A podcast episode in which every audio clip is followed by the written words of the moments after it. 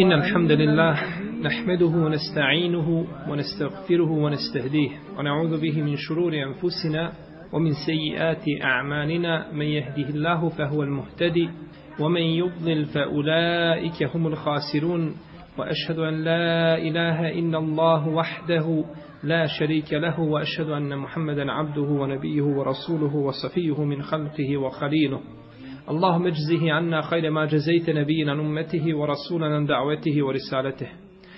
وصل اللهم وزد وبارك عليه وعلى آله وأصحابه وأتباعه وعلى كل من اهتدى بهديه واستنى بسنته واقتفى أثره إلى يوم الدين.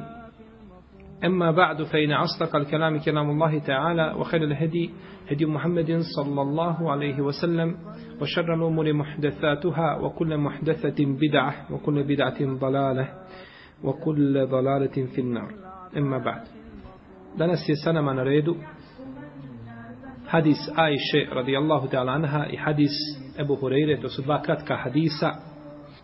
U njima ima nekoliko propisa koje je neophodno muslimanu da ih poznaje i kažemo prije nego što počnemo ono što je kazala u muslim kada je pitala poslanika sallallahu alaihi wasallame da li se žena mora kupati nakon što vidi vodu pa je kazala prije toga inna Allahe la jestahi min al haq Allah se ne stidi istine musliman se mora poučavati svoje vjeri i mora se poučiti propisima a najšeta radijallahu anha kalet kuntu أغسل الجنابة من ثوب رسول الله صلى الله عليه وسلم فيخرج إلى الصلاة وإن بقع الماء في ثوبه وفي لفظ لمسلم لقد كنت أفركه من ثوب رسول الله صلى الله عليه وسلم فركا فيصلي فيه كاج عائشة رضي الله تعالى عنها ja sam prala dženabet sa odjeće poslanika sallallahu alaihi wasallame misli na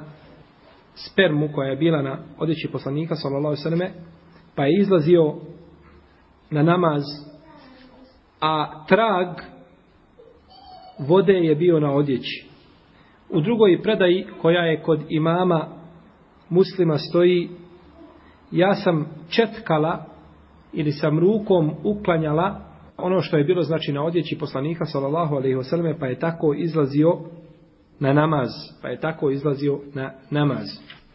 O Aisha radijallahu ta'ala anha smo govorili prethodno o njenoj istoriji, biografiji radijallahu ta'ala anha, a u hadisu ima nekoliko propisa, najbitniji od tih propisa jeste propis neđaseta sperme. Da li je sperma čista ili nečista? Po ome pitanju islamski učenjaci imaju nekoliko mišljenja, ima i šest ali da se ne bi umarali sa svim tim mišljenjima, neka od njih nisu osnovana, mi ćemo spomenuti samo dva koja su nama najbitnija i ukazati na treće koje je iznimno mišljenje u šafijskoj pravnoj školi. Prvo mišljenje je da je sperma nečista i to je mišljenje imama Malika i Ebu Hanife.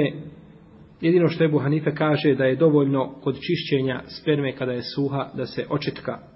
I to je jedan rivajet od imama Ahmeda. I drugo mišljenje je da je nečista i to je mišljenje većine islamskih pravnika i To je znači jači stav u šafijskom mezhebu i to je rivajet od, ima, od imama Ahmeda i ispravniji rivajet kod imama Ahmeda. Ima treće mišljenje koje je iznimno u šafijskoj pravnoj škola, to da je čisto od muškarca, da je nečisto od žene. No, međutim, ovo mišljenje nema, nema jake osnove. Allah najbolje zna da je jače od ova dva mišljenja da je sperma čovjeka čista. Kako čovjeka, tako i žene, da je čista. No, međutim, nema kategoričkih argumenata, na koje smo mogli kazati, ovo je 100% jasan argument. Nego znači radi se o ičtihadu, jednostavno s toga jeste razilaženje među lemom veliko. Oni koji kažu da je nečista, kažu, zar nije ovdje Aisha radijallahu ta'ala anha kazala, prala sam spermu sa odjeće poslanika. Pa kažu, ne pere se osim šta? Nečist. Kažu, zašto je prala? Našto njihovo vrijeme nije bilo puno vode, voda je bila zlato, tečno i tako dalje, pa kažu, ne bi ona to prala da to nije bilo nečisto. A ovi koji kažu, koji dokazuju da je sperma čista, kažu, zar nije? Ona kaže, ja sam četkala to rukom, trljala ovako, da spadne. Kažu, mora nešto ostati. Vidite da nije nečisti, da je bilo nečisti, ona bi u drugom slučaju to prala. A kako odgovaraju ome prvom rivajetu što kažu da je prala, što kaže Ajša da je prala, kažu, pa mi peremo odjeću od na primjer sline koja dođe na, na odjeću, ili od pljuvačke, ili od nečistoće bilo koje druge vrste, nečistoće, nego prljavštine. Prosti, znači razlika između nečega što je prljavo i što je nečisto. I peremo odjeću od znoja, a nije nečisto. Znači ne mora znaš ako se pere da je odmah šta? Može biti prljavo, može biti samo prljavo. Pa odgovaraju znači ovim rivajetom. Dok ovi kažu koji tvrde da je nečista, kažu nikako. Mi imamo argument, to je kažu način čišćenja. Zar čovjeku nije obaveza kad dođe na namaz i hoće da klanja u svojim mestvama i pogleda ispod i vidi da ima neđa, neđaseta na mestvama, šta će uraditi? Neće ni jedno ni drugo. Očisto zemlju, baš to. Tri puta će očisto zemlju. I to je dovoljno, to je čišćenje. To je čišćenje. Kažu i ome, i nešto će ostati sigurno da se neće sve ukloniti. Međutim, kažu to je dovoljno za čišćenje. Dok isto ovi kažu što kažu da se četka i da se to, znači, rukama skida, prstom, kažu to je način čišćenja, ne znači da je nečisto. U svakom, ne, ne znači, znači da je čisto. U svakom slučaju, nemamo jasnog argumenta što ukazuje da je šta, sperma nečista. Pa je osnova da je šta? To bi moglo biti možda najjači argument mogao biti. Da je osnova da je čista. Ima hadis Ajše, koga ćemo kasnije spomenuti iz njegovi rivajta se zaključuje što moglo ukazati na čistoću. To je rivajet koga bi Ibn Hibbani, imam Ibn Huzeime, od Ajše radijallahu ta'ala da je kazala, tako čistila sam, kaže, prstom svojim spermu sa odeće poslanika, sa osanome, kaže, pa je izlazio uhu yusalli salifi, pa bi klanjao u njoj, u toj odjeći. Imamo dvije mogućnosti. Da je to čistila dok je on bio u namazu, čistila sam, a on je klanjao u njoj. Postoji mogućnost za vrijeme namaza i postoji mogućnost šta? Da je čistila, pa da je onda klanjao. Postoje dvije mogućnosti. U svakom slučaju bilo ovo ili ono, ukazuje znači da je nešto ostalo, a dok je nešto ostalo, znači to je bilo znači sigurno čisto, jer ne bi Allahov poslanik sa osvijem klanjao u, klanjao u tome. Ovo je znači najbitniji propis koji se veže za ovaj hadis, a to je znači čistoća ili nečistoća ili nečistoća ljudske znači sperme. U našim danasnim uslovima, draga moja braća i cijeljene sestre, možda ovo pitanje nije toliko bitno koliko je nekada bilo bitno. Ono je bitno uvijek kao pitanje, ali sprovođenje ovoga pitanja u praksu je nekada bilo teško. Zbog putovanja, čovjek na putovanju, nije uvijek u stanju bio da mijenja odjeću, nije bilo uvijek odjeće kao što danas ima. Nije bilo znači ovih hajrata i ovih blagodati koje mi danas vidimo. Pa se se znači, pa se te stvari razlikuju, a da ne govorimo znači o vodi koje je sigurno bilo uvijek u nedostatku i slično tome, pa je znači nekada aktualiziranje ovih pitanja i a, bilo kudi kamo znači preče nego što je danas u naše vrijeme kada je omogućeno znači čovjek uvijek da može očistiti svoju odjeću. I kad kažemo da nešto nije nečisto, to ne znači da čovjek može slobodno da klanja u tome ne smeta. Nije, ako može promijeniti preče, jer kad bi nekome od nas kazali idi na svadbenu proslavu u odjeći na kojoj ima tragova, na primjer od dženabeta, Niko to ne bi pristao. Pa kako onda pristaješ da staneš pred Allaha te barake od tala koji je najpreći da se, najpreći da se njemu uljepšaš. Izlazio je u namaz, kaže Aisha radijallahu ta'ala a na njegovoj odjeći je bio trag, trag od pranja. Ovo se može e, razumjeti na dva načina.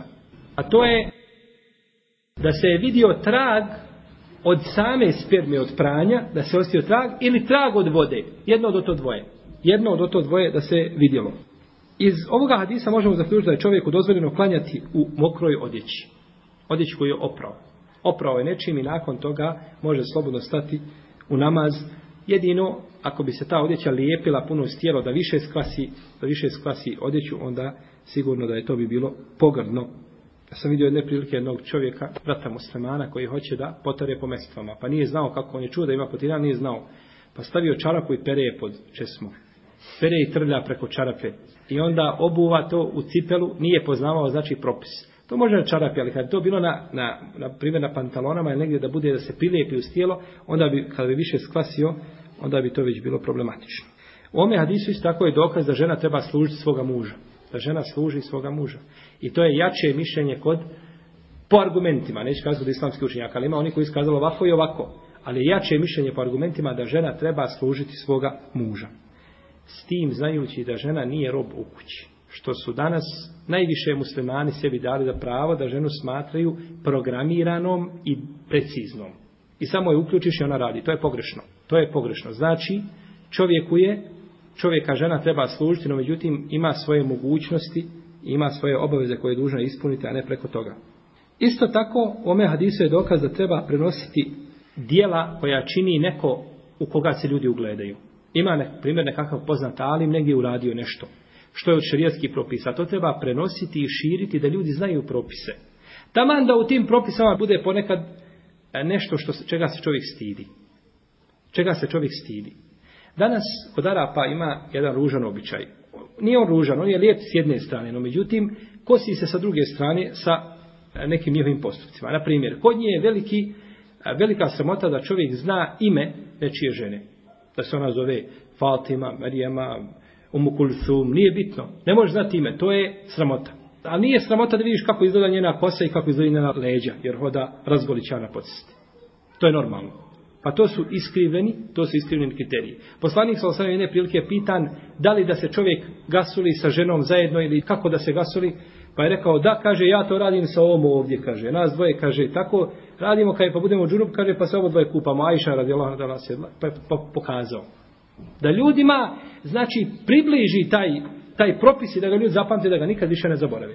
Kaže, jeste, to mi činimo tako. Znači, da ih pouči propisima. Pa je tako, znači, lijepo da se prinesu postupci, jer je ovo, draga moja braćo, vjera. Koliko ljudi, vallahi, svoje ibadete kvari ne znajući taharet. I taharet vam treba, znate gdje? Svugdje.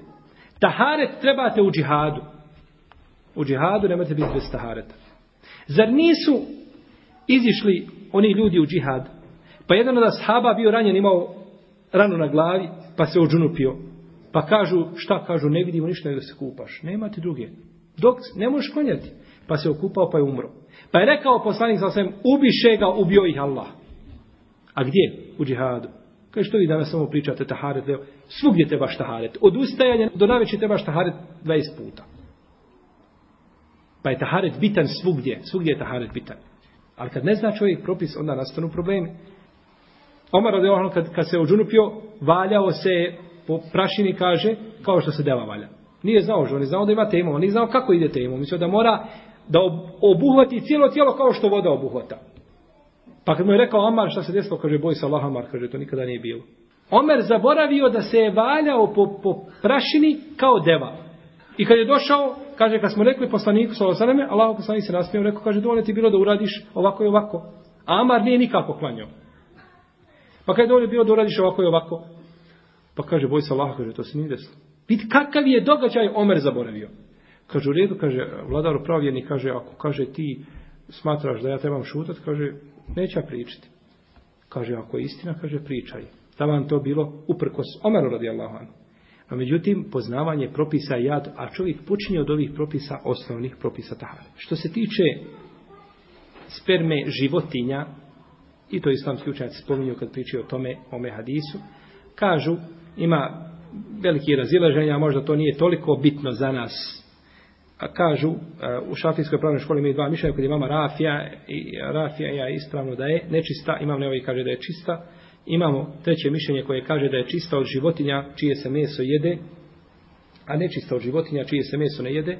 Ovo smo spomenuli samo usput, znači nema posebnog propisa vezanog za nas, što se nas nešto posebno tiče. Ovdje samo jedna napomena, razlika između sperme muškarca i žene. Sperma kod muškarca je gusta, bijela i ljepljiva masa, dok je kod žena žuta i tečna. Tako islamski učenjaci spominju u fikskim knjigama praveći razliku.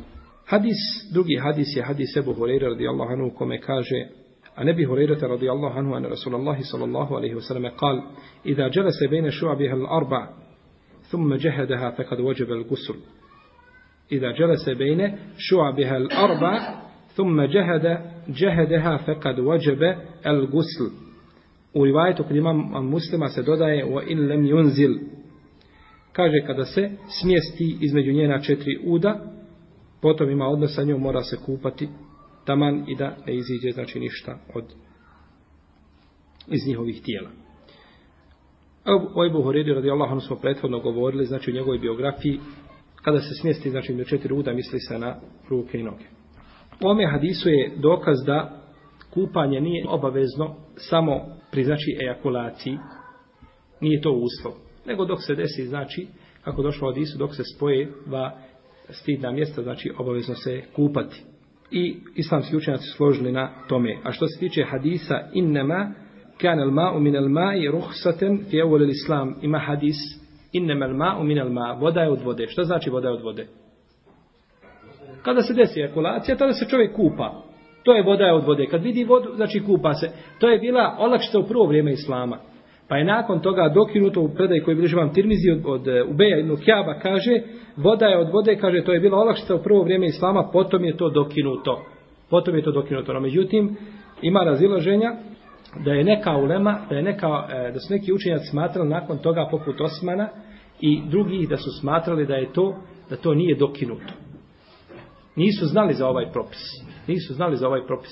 Osman radijallahu anhu nije poznavao znači ovaj propis koji je bio dokinut. No, međutim, nakon toga se je desio iđma i konsensus islamskih učenjaka.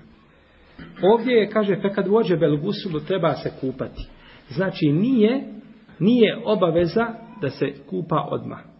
U isto vrijeme. Nije obaveza da se kupa odmah, jer ovdje kaže fe kad vođe belgusulu, znači, kad to uradi prije dolaska namazskog vremena.